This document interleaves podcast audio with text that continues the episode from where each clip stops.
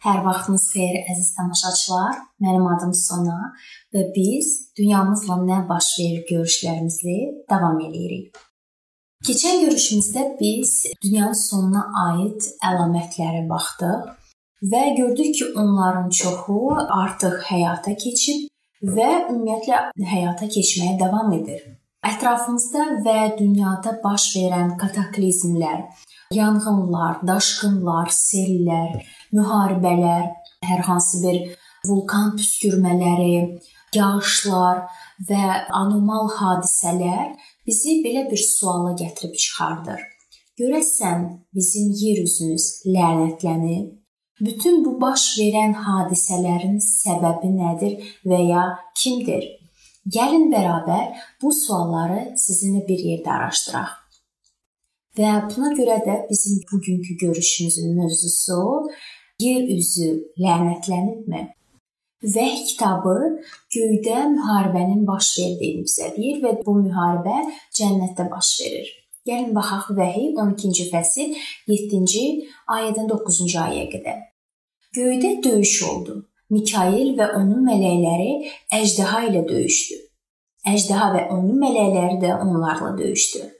Amma gücləri çatmadı. Göydə artıq onlara yer qalmadı. O, böyük əjdaha, iblis və şeytan deyilən bütün dünyanı aldadan qədim ilan yer üzünə atıldı. Mələkləri də onunla birgə atıldı. Nədən göylərdə ümumiyyətlə müharibə baş verdi? İlan hardan ortaya çıxdı? Belə bir suallar siz verə bilərsiniz, yəni ümumi verilə bilər. Xoşbəxtlikdən bəzi bu suallara müqəddəs kitabda biz cavab tapa bilərik. Biz ümumiyyətlə şeytanın keçmişinə baxa bilərik və hardan hara gəldi və onun enişinə baxa bilərik və əvvəlcə kim idi şeytan və sonra kim oldu. Bütün bunları bizə müqəddəs kitab yavaş-yavaş proses olaraq açır və göstərir. Və əgər biz bu göydə olan müharibənin pərdə arxasında nələr baş verdiyini anlamasaq, görməsək, indiki dünyada baş verən hadisələri və onun mənasını biz görməyəcəyik və onu anlamayacağıq. Ona görə bu bizim üçün çox vacibdir. Kəlamda Yezekil kitabı bizə Lusiferin ürəyində nə baş verdiyini göstərir. O bizə onun düşüncələrini təsvir eləyir. Orda, yəni düşüncələrində, fikirlərində hansı dəyişikliklər baş verdiyini göstərir. Gəlin bir yerdə oxuyaq. Yezekiyel 28-ci fəsil 12-ci ayə. Sən kamilliyin möhrüsən. Müdrikliyin bütöv, gözəlliyin qüsursuz idi. Bu mələk Allahın taxtında xüsusi bir yer tuturdu. O, kamillik möhrü, hikmətin tamlığı və gözəllik tacı idi. Yezekiyel 28-ci fəsil 14 və 15-ci ayədə belə yazılıb: Sən məhs edilmiş qoruyucu bir kirov idin. Səni bunun üçün qoymuşdum. Allahın müqəddəs dağının üstündə idin. Odlu daşlar arasında gəzirdin. Yaradıldığın günündən səndə pislik tapılana qədər yollarında qüsursuz idin. Allah şeytan yaratmamışdı. İblisi yaratmamışdı. Müqəddəs kitaba görə baxın o mükəmməl mələkvari varlıqlar yaratmışdı. Amma bu gözəl mələklə nəsə baş verdi. Gəlin baxaq. Yezekiyel 28-ci fəsil 17-ci ayədə yazılıb. Gözəl olduğun üçün ürəyin qürurlandı. Əzəmətinə görə müdrikliyini korladın. Bu mələk öz gözəlliyinə yönlənmişdi və öz möhtəşəmliyinə heyran idi. Beləliklə qürur onu elə bil ki, günaha sürüklədi. Bu mükəmməl kainatda ümumiyyətlə necə baş verə bilərdi? Bunun yalnız bir yolu var. Baxın əziz dostlar. Allah kainatda bu varlıqları yaradanda onlara azad seçim vermişdi. Çünki Allahın hakimiyyətinin təməli məhəbbət idi və Allah istəyirdi ki, bütün bu varlıqlar öz azad seçimindən irəli gələrək, yəni özü özləri könüllü olaraq onu sevsinlər. O heç bir şəkildə sevməyə məcbur etmirdi heç kəsi. Və buna görə də şeytanın da indiki bildiyimiz şeytanın da vaxt Lusiferin də azad seçimi var idi və o Allahı sevib sevməməkdə azad idi. Təbii ki, Allah robotları və marionetkaları yaradıb, yəni özünə itaat etməsini istəmirdi. O ağıllı, canlı varlıqlar yaratmaq istəyirdi və onlarla ünsiyyətdə, rahat ünsiyyətdə və qarşılıqlı sevgi əsasında bir münasibət qurmaq istəyirdi. Yeşaya peyğəmbər bizə Lusiferin özü Allaha qarşı üsyan etdiyini və Allaha qarşı seçim eləyərək bu prosesdə, yəni necə yavaş-yavaş düşməyini göstərir. Baxın, Yeşaya 14-cü fəsil 12-ci aydan 14-cü ayına qədər oxuyuruq. Ey parlaq ulduz, Dan oğlu. Baxın, Lusiferin əsl adı Ey parlaq ulduz Dan oğlu idi. Necə də göylərdən yerə düşdün? Sən ürəyində dedin, göylərə qalxacağam taxtını Allahın ulduzları üzərində ucaldacağam. Şimaldakı yüksək yerdə toplantı dağında oturacağam. Uca buludların üzərinə çıxacağam. Haqq Taala kimi olacağam. Siz fikir verirsiniz, Lusiferin bütün fikirləri özünə yönəlib və onun fikri əslində bunlar idi. Daha yüksək rütbə, bunu bunları əldə etmək istəyirdi. Baxın, yüksək rütbə, uca taxt və hakimiyyət və səlahiyyət. Və hər şey də bundan başladı.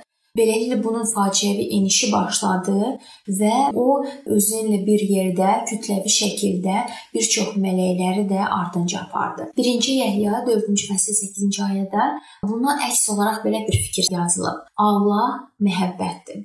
Məhəbbət əslində Allahın hakimiyyətinin təməlini mən dediyim kimi, orada əsla məcburiyyət ola bilməz. Məhəbbət Lusiferi hər yerdə əhatə edirdi. Amma o məhəbbətdən üz döndərdi. Nəticədə də o Allahdan çox uzaq düşdü və artıq Allahı öz rəqibi kimi görməyə başlayırdı. Onun təhrif olunmuş artıq ağlı Allahı düşman kimi görürdü. Kəlamda bunun nəticələri təsvir olunub. Gəlin baxaq. Yezikil 28-ci fəsil 6-cı ayədə belə yazılıb. İndi ki ürəyində özünü Allah sandın. Lusifer belə düşünməyə başlamışdı. Nədən bütün hüquqlar və səlahiyyət Allaha mənsub olmalıdır? Bu mələk özünü Allahın yerinə qoyaraq düşünürdü ki, hər şeyi idarə edən yaradan kimi bacarıqlıdır. Siz təsəvvür edə bilirsiniz indi göydə nə qarşılıq baş verdi. Həsəd, böhtan və qəzəbin olmadığı bir yeri düşünün. Allahın hikməti və məhəbbətini şübhə altına qoymaq heç kimin ağlına belə gəlmirdi. Və birdən-birə bu gözəl Lusifer Allahın taxtında yerləşən incə göstərişlər verməyə başladı. Təbii ki, o Allaha açıq şəkildə etiraz etmirdi, amma onun hərəkətlərini şübhə altına qoymağa başladı. O soruşurdu. Yəni orada ətrafda olan mələklərdən biri gəlib yavaş-yavaş ağıllı şəkildə onların ağlına təsir etməyə başladı. O soruşurdu ki, nə üçün bütün şöhrət Allahın olmalıdır? Niyə bütün yaratdıqları ona itaat etməlidir? O alternativ yolu, yəni kainatda idarə edilməsinin daha yaxşı yolunu irəli sürdü və təbii ki, bununla dediyim kimi mələklərin ağlını işləməyə başladı və düşünürük ki, bu yalanı onlarla bölüşərək onların da ürəyinə Allahın hakimiyyəti ilə bağlı şübhələr yaradacaq. Allah bəs Lusiferə qarşı necə cavab verdi? Bir çoxları, yəni istəyərdi ki, Allah elə ordaca da şeytanı məhv etsin, yəni Lusiferi məhv etsin. Niyə də yox? Bunun üçün bizim bir çox səbəblərimiz, haqlı səbəblərimiz də var. Çünki əks halda günah yox olardı və bu günah başqa aləmlərə də təsir etmədən yerindəcə də məhv olardı. Yəni Allah şeytanı edam edərdi və bununla da hər şey bitərdi. Düşünə bilərik, amma siz indi təsəvvür edin, bütün bunu seyr eləyən mələklər nə düşünərdi? Çünki əvvəllər həmişə Allahı sevən biri tanıyan mələklər başlayardı düşünməyə ki, demək ki, şeytan haqlı idi öz düşüncələrində. Çünki Allah artıq onu öldürdü və bu belə deyək də kainatda ilk ölüm hesab olunardı və o ölüm Allahın özündən gələrdi və elə çıxır ki, Allahın sözləri və onun dediyi hərəkətlər üst-üstə gəlməyəcəkdi və təbii ki, bütün bir çox mələklər ona artıq qorxudan itaat etməyə başlardı və bəlkə də biraz keçdikdən sonra artıq 2-ci, 3-cü, 5-ci, 10-cu şeytanlar ortaya çıxardı. Çünki onların da belə e, düşünmələrə səbəb ola bilərdi. Amma Allah daha bir e, müdrik yol seçdi o kainatda bir müddətlik günahın olmasına izin verdi. Bu ona təsdiq etməli idi ki, Allahdan kənarda, yəni heç bir xoşbəxtlik yoxdur və xoşbəxtliyin yerinə bədbəxtliklə insan və oradakı varlıqlar qarşılaşacaq. O kainatda ümumiyyətlə bütün varlıq və sonradan biz də olmaq şərti ilə anlamalıydıq ki, Allah məhəbbətdir həqiqətən və ancaq onun yolu yaxşıdır. Və bununla da şərin, pisliyin problemi həll olunmalı idi. Məhəbbət azad seçimdən irəli gəlir. Yəni məcburiyyətdən sən etibar etmədiyin birini sevməyə seçə bilməzdin. Yəni seçə bilməzsən sən. Ona görə də bu azad seçim tələb edir. Amma Lucifer artıq göydə qala bilməzdi. Bu törətdiyi yalanlardan sonra o heç cür göylərdə qala bilməzdi. Baxın, Vəhiy 12-ci fəsil 9-cu ayədə yazılıb. O böyük əjdaha iblis və şeytan deyilən bütün dünyanı aldadan qədim ilan yer üzünə atıldı. Mələkləri də onunla birgə atıldı. Biz soruşa bilərik ki, təbii ki, yer kürəsi bu kosmik münaqişəyə necə qatıldı? Yəni şeytan yer üzünə sürgün olundu, yoxsa yerin ilk sakinləri onun üçün qapı açdılar?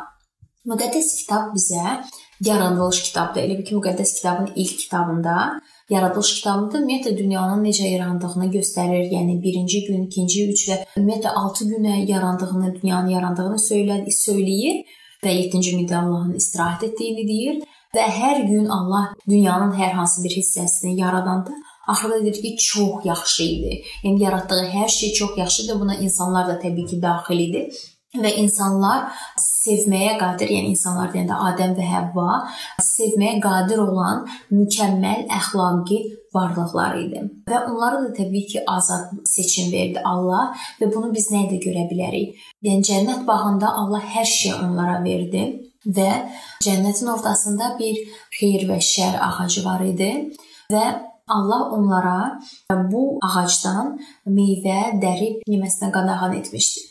Və təbii ki də bu sözü dinləyərək onlar Allahın tərəfini tutmuş olurlar, ona itaat etmiş olurlar.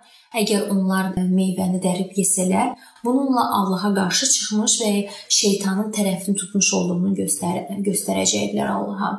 Və təbii ki də bir gün Həvva bu ağacın yanında olarkən şeytan ilan cildində onun yanına gəldi və belə dedi: Təbii ki, Allah onlara demişdir ki, əgər bu ağacdan yesəniz öləcəksiniz. Amma şeytan onlara dedi: Yaradılış 3-cü fəsil 4 və 5-ci ayə. Yox, əsla ölməzsiniz. Əksinə Allah bilir ki, o meyvələrdən yediyiniz gün gözləriniz açılacaq və xeyirlə şəri bilərək Allah kimi olacaqsınız. Əslində şeytan deyirdi ki, mənim ardımca gəlsəniz çox xoşbəxt olarsınız. Allah sizin azadlığınızı məhdudlaşdırır. Təəssüflər olsun ki, Həvva və sonra onun yoldaşı Adəm bu yalana aldandı və meyvədən yedi. Və bu gün də biz bu səhv seçimin nəticələrini hələ də yaşayırıq və görə bilirik. Və təəssüflər olsun ki, şeytanın orada Həvvaya dediyi alternativ yolu heç də dediyi kimi olmadı, çox fərqli çıxdı. İndi biz məhv və ölümlə dolu bir planetdə yaşayırıq. Adəm və Həvva qadağan olan meyvəni yeyəndən sonra onlar günah və narahatlıq hissi yaşadı. Allah onlara vaxt axtararkən onlar gizləndilər. Və eyni elə biz də indi günahlar nəticəsindən biz Allahdan uzaqlaşırıq və indi də ondan gizlənirik. Günah bizimlə Allahın arasına məsafə qoydu, bizi ayırdı və o insanlar arasında da indi münaqişələr yaradır və ayrılıq yaradır. Bəs biz soruşa bilərik ki, məsuliyyəti o zaman kim daşıyır? İsa məsəl danışdı. Deməli, yaxşı bir salih bir adam öz taxılında toxum əkdi və bir müddətdən sonra barı yığan, yığmaq istəyəndə onun şagirdləri də, yəni ətrafda olan adamlar da gəldi gördü ki, bu məhsulla yanaşı bir çox alaq da var və təbii ki, o adamdan soruşdular ki, bunu bəs kim etdi? Və Matta 13-cü fəsil 28-ci ayədə yazılıb, bunu düşmən etmişdi. Yəni əgər biz soruşuruqsa, dünyada bütün bu ədalətsizlik, qanunsuzluq, xəstəlik, əzablar hardandır? Yəni bunun səbəbi kimdir? Bizim ağlımıza bu söz gəlməlidir. Bunu düşmən etmişdir. Allah heç bir məsuliyyət daşımır, çünki Allah yaxşı toxum əkdi. O xəstəlik, əzab, ölüm əkmədi. Müqəddəs kitab bu düşməni şeytan, ittihamçı, iblis adlandırır. O Allaha qarşı çıxıb və günahla bağlı bütün problemləri yaradan varlıqdır. Təbii ki, müqəddəs kitabda şeytan hansısa nağılvari bir obraz deyil. O həqiqətən hər cür bədbəxtliyə və yalanlara səbəb olan real varlıqdır. Və o özü göydən qovulanda özünlə bir yerdə mələklərin 3də birini tovlayıb yoldan çıxartdı. Və təbii ki, onlar yer kürəsinin qapısını döydülər. Allah istəyirdi ki, bu qapı həmişəlik onlara bağlı olsun. Amma Təəssüf olsun ki, Adəm və Həvva bu qapını açdılar və bu nəticədə xəstəlik və ağrı, əzab və ölüm bu dünyaya gəldi. İndi də bildiyimiz kimi dünyamız üsyan içindədir. Bəs e, biz soruşa bilərik ki, nədən o zaman Allah heç bir şey etmir? Amma hələ Eden bağında Allah gözəl bir vəd vermişdi. O demişdi ki, o hər şeyi bərpa edəcək. Baxın, Yaradılış 3-cü fəsil 15-ci ayədə belə yazılıb. Mən səninlə qadın arasında, sənin balanla onun övladı arasında düşmənçilik salıram. Bu övlad sənin başından vuracaq, sən də onu dabanından sancacaqsan. Görəsən burada söhbət kimdən gedir? Təbii ki də burada e, söhbət məhz olmuş Məsih haqqında gedir. Yəni ikinci dəfə yer üzünə qayıdan Məsih haqqında gedir. O zaman Eden bağında Məsih gələcəyinə, öz gələcəyinə söz vermişdi. O dedi ki, şeytanı ölümcül silahla vuracaq. Yəni o onun, yəni şeytanın başını əzəcək, amma eyni anda özü də dabanından sancalınacaq. Allah şeytan çağırışına necə cavab verdi? Baxın, yerlə göy arasında çarmıqda asılaraq o bütün kainata göstərdi ki, Allah hərəkətsiz qalmayıb və o hər kəsi sevir. Çarmıq bizə Allahın məhəbbətinin böyüklüyünü göstərir. Yeremiya 31-ci fəsil 3-cü ayədə Rəbb bizə belə bəyan edir. Səni əbədi bir məhəbbətlə sevdim. Allah bu üsyan eləyən dünyaya gəldi o şeytanın çağırışını qəbul elədi. Biz soruşa bilərik, əgər Allah bizi sevirsə, niyə o fəaliyyətsiz qalır? Amma o fəaliyyətsiz qalmır. Baxın, Adəm və Həvva günah elədilər. Onlar Allaha qarşı çıxdılar, amma Allah dünyanı məhv etmədi. Göylər şeytanın çağırışına, şeytanın sualına məhəbbətlə cavab verdi. Müqəddəs kitab deyir: Efeslilərə 3-cü fəsil 9-cu ayədə belə yazılıb. Və hər şeyi yaradan, Allahda əzəldən bəri sir olaraq saxlanan niyyətinin nə olduğunu bütün insanlara izah edin. Əzəldən bəri sir olaraq saxlanan nə deməkdir? Bu sirrin mənası budur. Allah bizi necə bu qədər çox sevə bilər?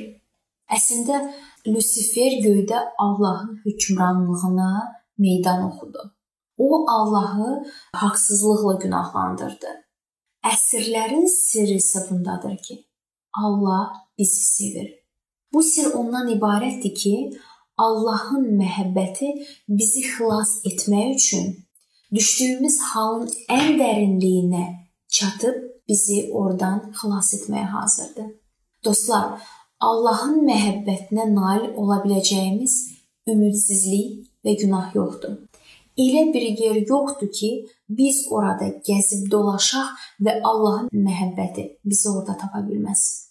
Allahdan nə qədər uzaq qaçsaq da, Allahın məhəbbəti bizi tapıb xilas edə bilər. Şeytan yalançıdır. Allahın sizi sevmədiyini söyləyir, sizin əhəmiyyətsiz olduğunu sizə deyə bilər. Amma Məsih deyir: "Əlimdə mismarların izlərinə baxın." Mənim başımdakı tikanlı taca baxın. O cümə günü öldü, 6-cı gün qəbirdə qaldı və həftənin 1-ci günü bazar günü dirildi. Yaxşı xəbər ondan ibarətdir ki, o bu gün sağdır. O şərin, pisliyin problemini həll elədi. və o şeytanın köləliyinə, bu günahın köləliyinə düşən insanları xilas edə bilər bu gün. O əzab və ölümə İsa Məsihi göndərdi. Yəni bu suala ki, niyə Allah heç bir şey etmir, o hərəkətsiz qalmadı. Şeytan artıq əslində məğlub olan bir varlıqdır. Məsih çarmıxda onu məğlub elədi. Orada İsa bütün kainatın gördüyü sonsuz məhəbbəti hər kəsə göstərdi. Amma bu son deyil. İbranilərə 4-cü fəsil 15 və 16-cı ayədə belə yazılıb. Çünki bizim baş kahinimiz belə deyil ki, zəifliklərimizdə bizim halımıza acıya bilməsin. Əksinə, hər cəhətdən bizim kimi sınağa çəkilmiş, lakin günah etməmişdi. Buna görə də Lütfkar Allahın taxtına cəsarətlə yaxınlaşaq ki, vaxtında köməyə nail olmaq üçün mərhəmət alıb lütf tapaq. Amma burada daha da böyük bir şey var. Baxın, Vəhy kitabında Allah başqa bir şey edəcəyini bizə deyir. Bir gün günah və xəstəliklərə Allah son qoyacaq. Allah şeytanı əbədi məhv edəcək. Təbii ki, şeytan bizi artıq heç bir şəkildə aldatmayacaq. O artıq hökm sürməyəcək və Allah Eden bağında verdiyi sözə sadiq qalacaq, yəni onu yerinə yetirəcək. Vəhiy bu haqqında baxın belə deyir. 20-ci fəsil 10-cu ayə. Onları aldadan iblis də vəhşi heyvanın və yalançı peyğəmbərin atıldığı yerə, orlu kükürt gölünə atıldı. Yezekil peyğəmbər də bu sözləri əlavə edir. 28-ci fəsil 18-ci və 19-cu ayələrdə. Mən içindən bir od çıxardım ki, səni yandırıb məhv etsin. Səni torpaq üstündə külə çevirdim. Aqibətin dəhşətli oldu, artıq salamat qalmayacaqsan. Baxın dostlar, bir gün şeytan məhv olacaq. O toza çevriləcək, o əbədi yox olacaq və bizim kainatımız tamamilə təmiz olacaq. Və orada nə kədər, nə əzab, nə ölüm, nə heç bir xəstəlik olmayacaq. Çünki Allah məhəbbətdir və o onun hakimiyyəti ən yaxşıdır və bir gün yeganə hakimiyyət bu olacaq. Müqəddəs kitabın Allahın məhəbbəti və onun xilas planı haqqında nə dediyini daha çox bilmək istəyirsinizmi? Görüşlərimizdə biz bu qədər əzab, əziyyət və itikləri doğuran müharibə problemlərinə bir daha baxacağıq. Baxın, müqəddəs kitab bizə çox şey göstərir biz öyrənəcəyik ki, niyə şeytan Allaha və onun xalqına belə nifrət edir.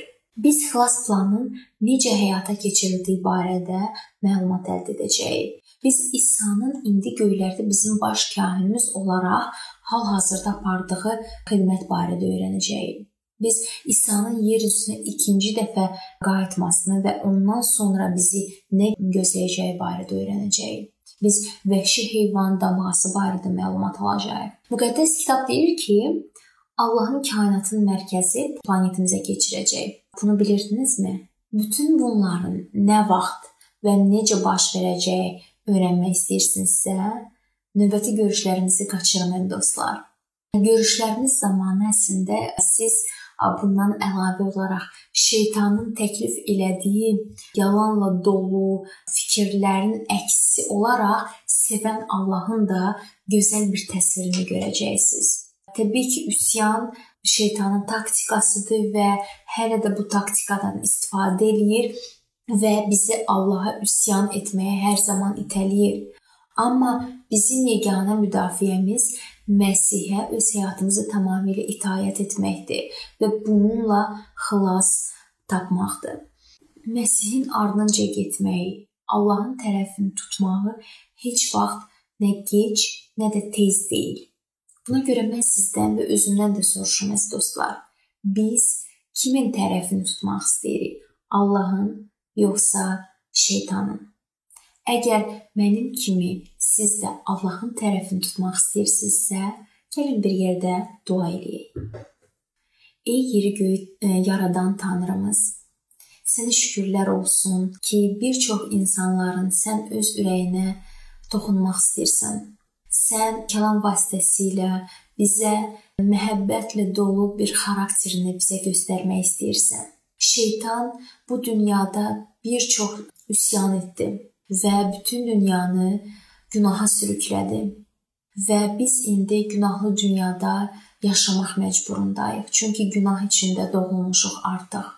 Amma bizim seçimimizdir buna son vermək. Çünki sən bizi azad seçimdə yaratmısan. Sən bizə seçim verirsən və biz bu ə, mübarizədə sənin tərəfini tutmaq seçirik. Sənin yanında olmaq istəyirik. Bizə güc ver ki, ə, sənin həqiqətlərini görüb, ürəyimizə sənin həqiqətlərini qəbul edərək həyatımızı sənə həsr eləyək. Sənə hər şeyə görə minnətdarıq sənin gözəl və uca ismi ilə dua edirəm. Amin. Əziz dostlar, əgər bu mövzu ilə bağlı hər hansı bir sualınız və ya fikirləriniz varsa, bizimlə paylaşmağı unutmayın. Bizim mesaj qutumuza yaza bilərsiniz, bölüşə bilərsiniz və sizinlə növbəti görüşlərimizdə görüşməyə ümidi ilə sağollaşıram. Sülhlə qalın.